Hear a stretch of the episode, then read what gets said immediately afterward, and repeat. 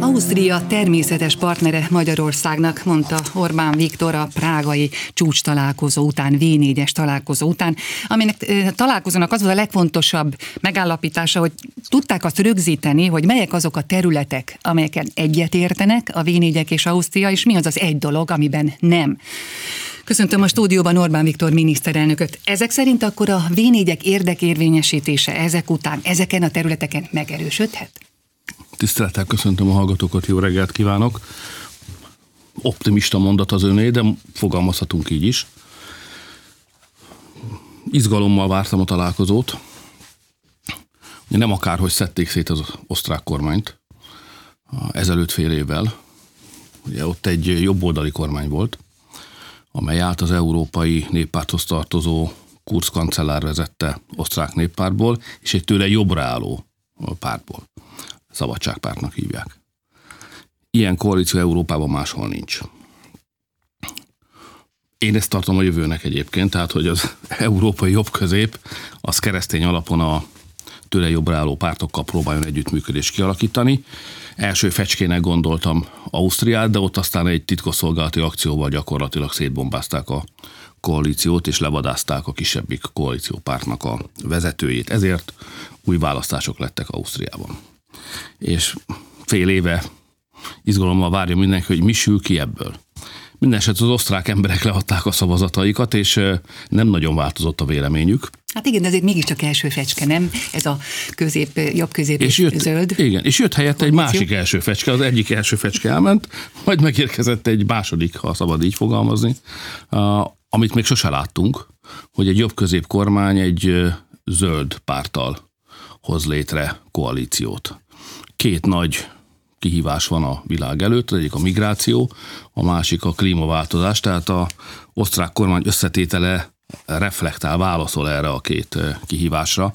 Hogy ebből mi sül ki, azt nem tudjuk, ezért voltunk kíváncsiak a kancellár véleményére, hogy mire számíthatunk a jövőben. És ami nekünk a legfontosabb szomszédoknak és sógoroknak, az két dolog. Az első, hogy bevándorlás ügyben semmilyen változás nem lesz. Tehát az osztrákok bevándorlás ellenesek, migráns ellenesek, és keményen a határvédelem mellett vannak. És ott nincs engedmény. Hát rajtuk is keresztül gyalogoltak, épp úgy, mint Magyarországon. Pekjükre náluk sokan maradtak is.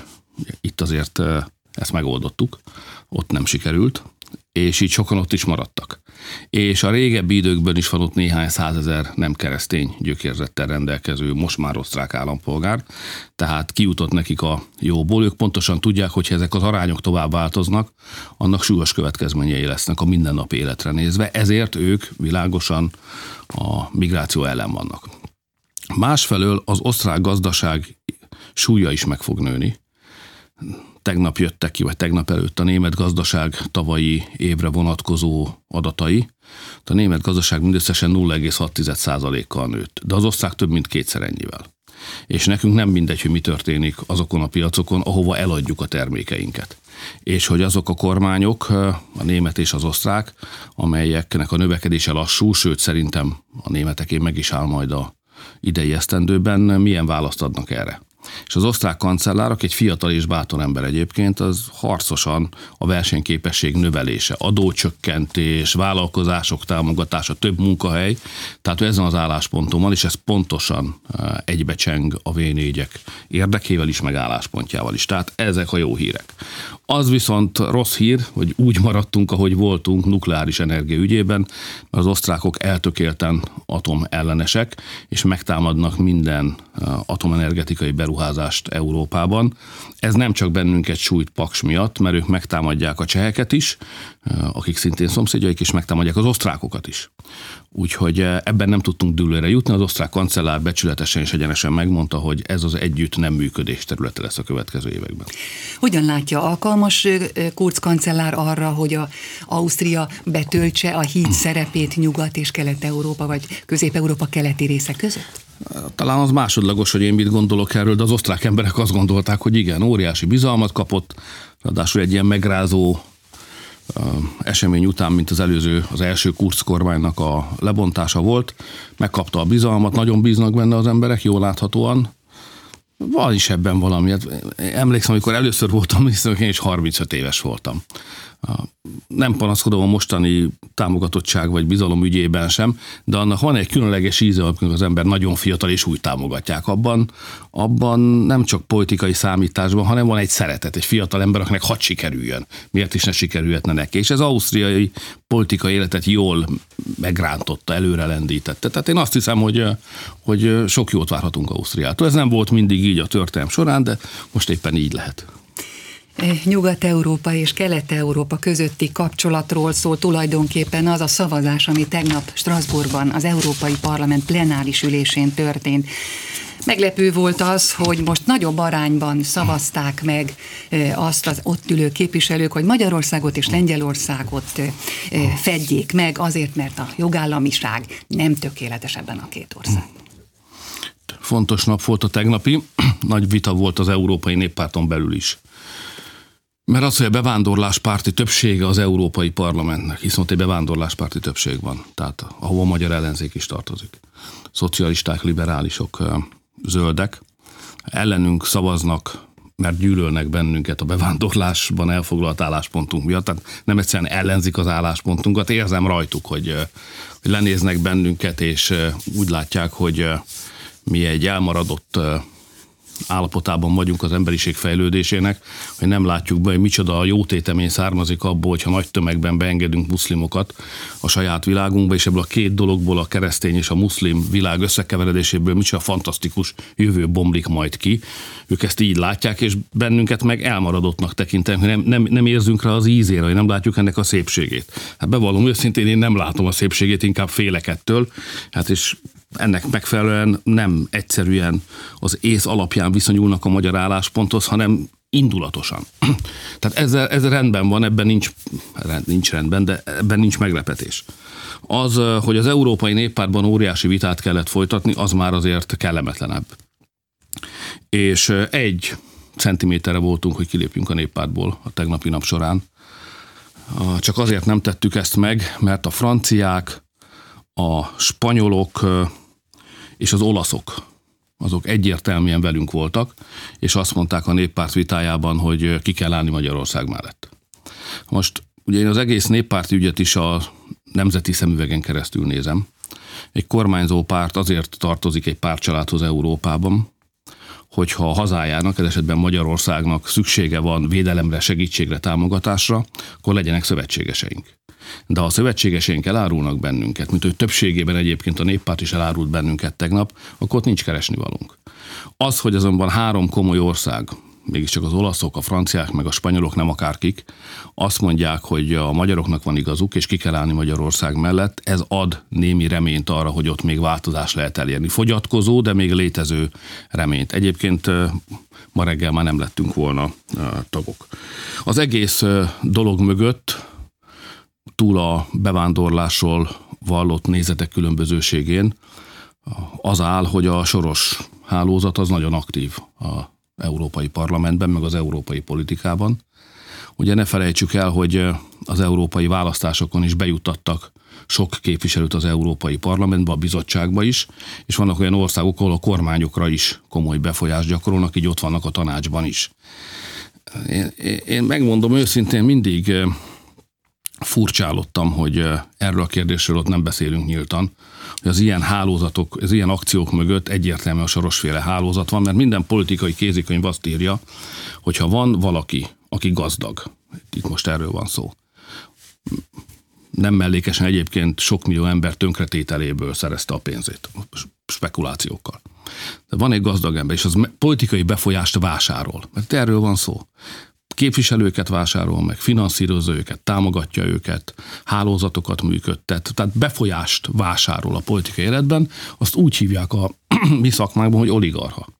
És a világ első számú oligarchája Soros György, aki ráadásul egy leplezett, vagy legalábbis részlegesen leplezett, maffiaszerű hálózaton keresztül irányítja a politikai tevékenységet, és gyakorol befolyást az európai politikára. És itt összeütközik Magyarország meg ez a hálózat, mert ez a hálózat, ez szintén egy kevert, keresztény, muszlim, összetevőkből álló új, modern Európát akar, ahogy ők mondják, amely túl van a kereszténységen és túl van a nemzeti érzelmeken.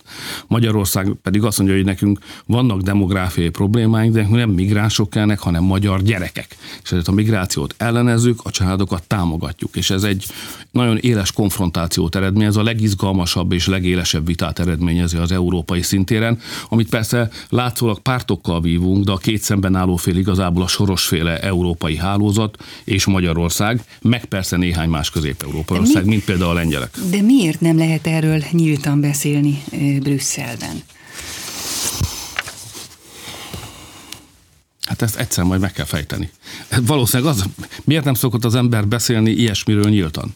A mindannyiunk életében vannak dolgok, amikről óvatosan beszélünk.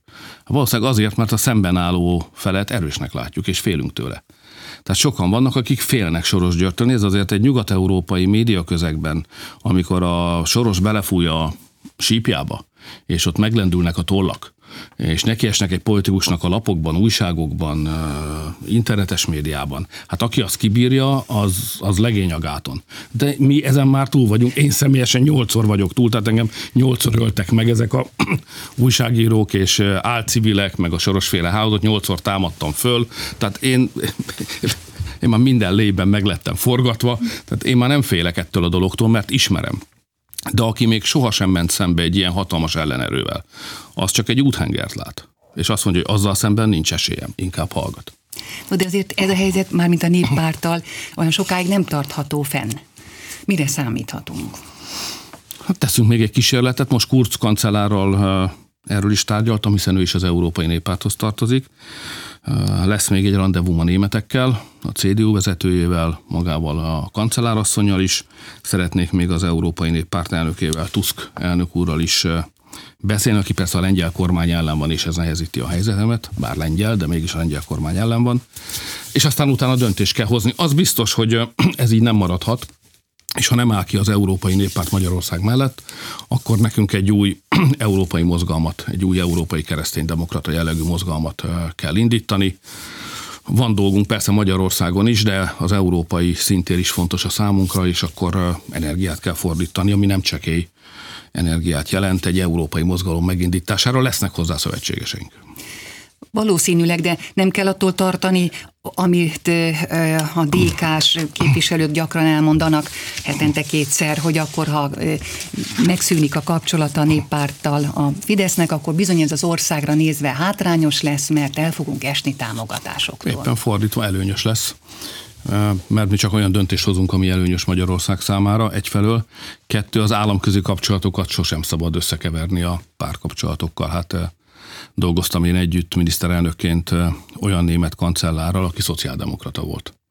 Meg a francia elnökkel is szót értünk, holott egyébként egy teljesen másik párcsaládhoz tartozik, és tudnék még számos ilyen példát mondani, tehát az egy, az egy silány, vagy sekélyes, talán ez a jobb szó, az egy sekélyes megközelítése az európai politikának, amikor összekeverik a államközi kapcsolatokat a pártkapcsolatokkal. Ami a költségvetési vitát illeti, ott pedig Magyarországnak szövetségesei vannak, nem pártok, hanem államok, és erős érveink. És a legvégén egy vétójunk. Hazai belpolitika nagyon az indulatokat fölkeltette az a hír, mi szerint Magyarországon körülbelül 12 ezer börtön lakónak van kártérítési igénye a magyar állammal szemben, és ha az összeget nézzük, akkor nagyjából olyan 10 milliárd forintra rúg ez a bizonyos kártérítési összeg. Nem nagyon értik ezt az emberek, hogy hogy van ez, hogy azok, akiket valamilyen bűncselekmény miatt elítélnek, azok ö, hátra teszik a kezüket a börtönben, és azt mondják, hát semmi gond, kibírom ezt a kis időt, aztán ha kimegyek, akkor majd megérkezik a kártérítés. A csúcstartó ebben a börtönbizniszben egy olyan 33 éves férfi, tehát jó munkaképes korban lévő emberről beszélünk, aki 8 és fél év börtön után kapott 8 millió forint kártérítést. Az azt jelenti, hogy minden leült év után kapott jutalomként egy-egy millió forintot. Teljesen abszurd.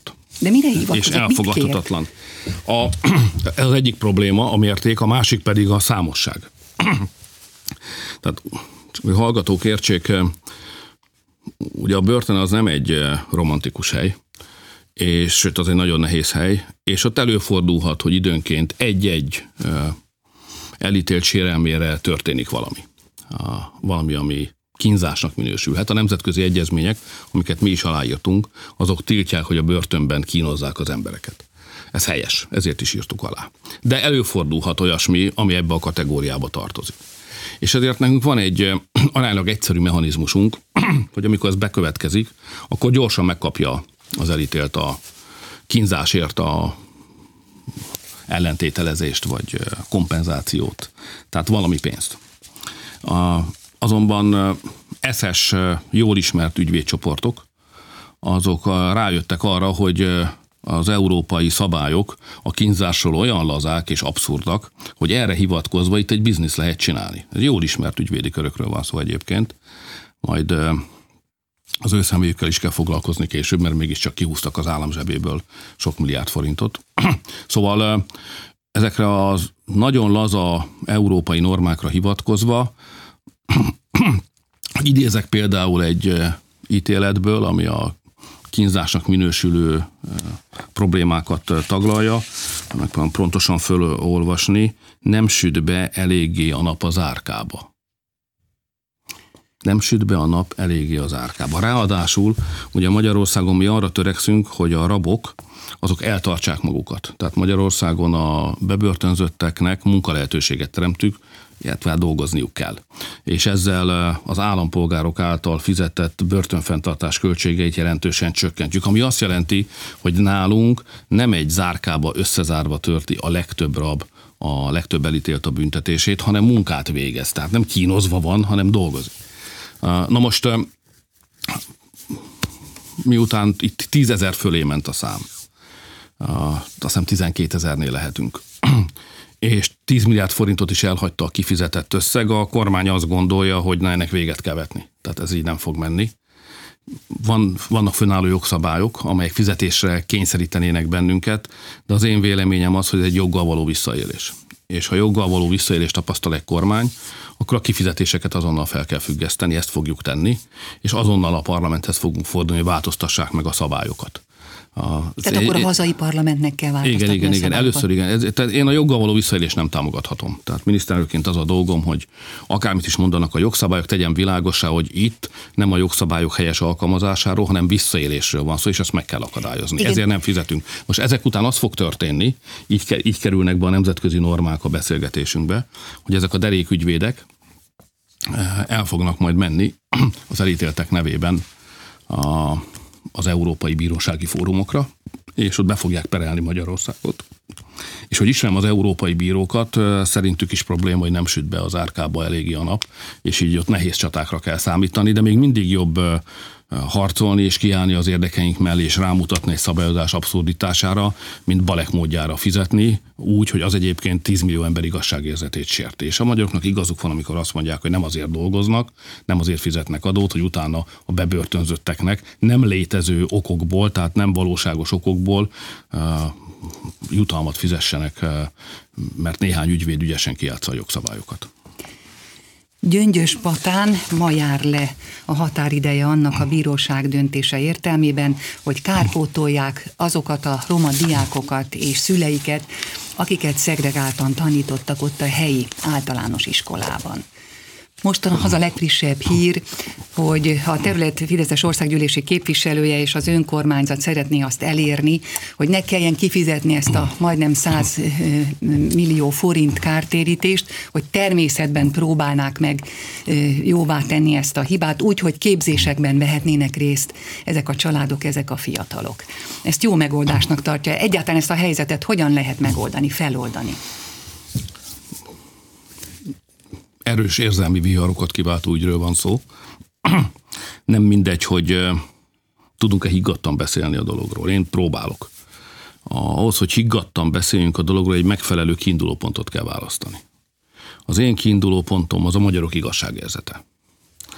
Érdekes nép a miénk. Vannak dolgok, amiket gond nélkül elfogad. Tehát például a magyar emberek azt teljesen elfogad, sőt támogatják hogy segélyhelyet adjunk munkát. Elfogadják, hogy az adófizetők forintjaiból tartsunk fönn óvodákat, és fölzárkóztató munkát végezzünk a roma cigány gyerekek számára. Támogatják, hogy ingyen étkezhessenek. Támogatják a magyarok azt, hogy szakmát tanulhassanak. Tehát a magyarok nem rasszisták, nem utasítják el a cigányokat élből.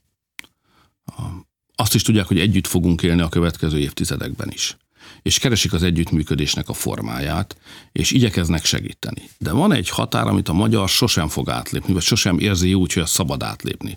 Ez pedig az a határ, hogyha pénzt adunk a semmiért.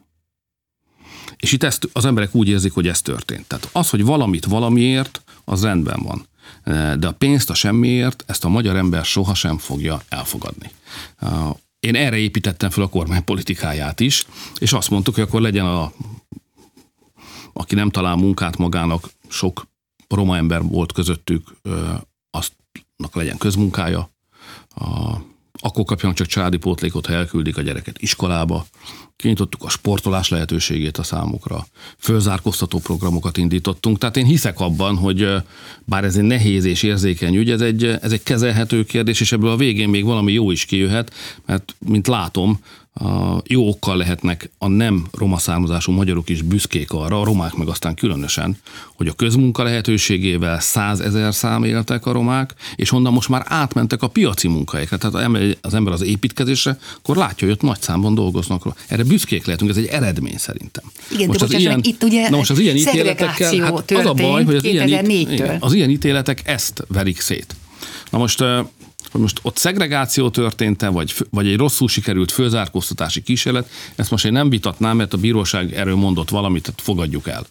De az biztos, hogy úgy nem orvosolhatjuk a bajt, hogy pénzt adunk a semmiért. Úgy orvosolhatjuk a bajt, és a képviselő úrnak igaza van, hogyha inkább segítséget adunk. Kifizetjük a képzésüket, ha kell átképzést, új tanfolyamokat. Tehát ha szolgáltatást adunk nekik, és nem pedig a kezükbe odaadjuk a pénzt, amit még egyszer mondom, sose fognak a magyarok elfogadni. Tehát én úgy érzem, hogy itt egy szerencsétlen bíróítélet született, amit ráadásul mindig ide jutunk vissza, ha megnézzük, hogy kik indítottak el, ott mindenhol soros szervezeteket találjuk meg.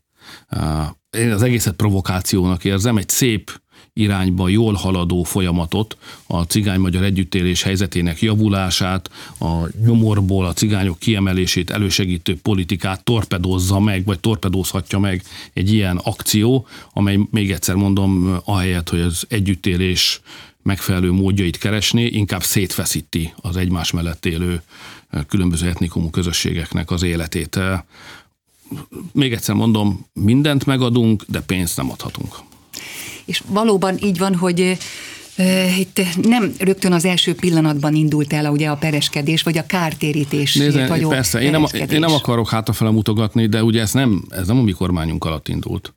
Tehát egy 2000-es évek közepén, még a, még a baloldali liberális kormány időszakában határoztak meg. indult gyakorlatról van szó, és amikor talán 13-ban az önkormányzati iskolákat átvettük állami tulajdonba, akkor mi ezt megszüntettük, mert nem azért, mert rasszizmusnak találtuk, hanem mert úgy, úgy láttuk, hogy ez egy olyan főzárkóztatási forma, ami, ami nem, nem szerencsés.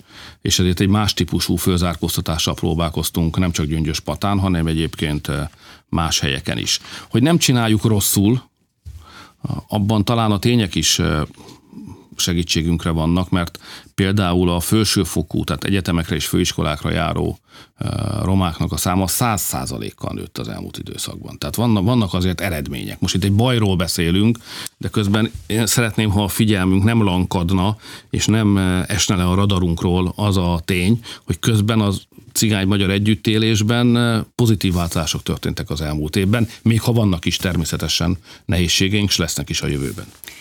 Köszönöm. Orbán Viktor miniszterelnököt hallották.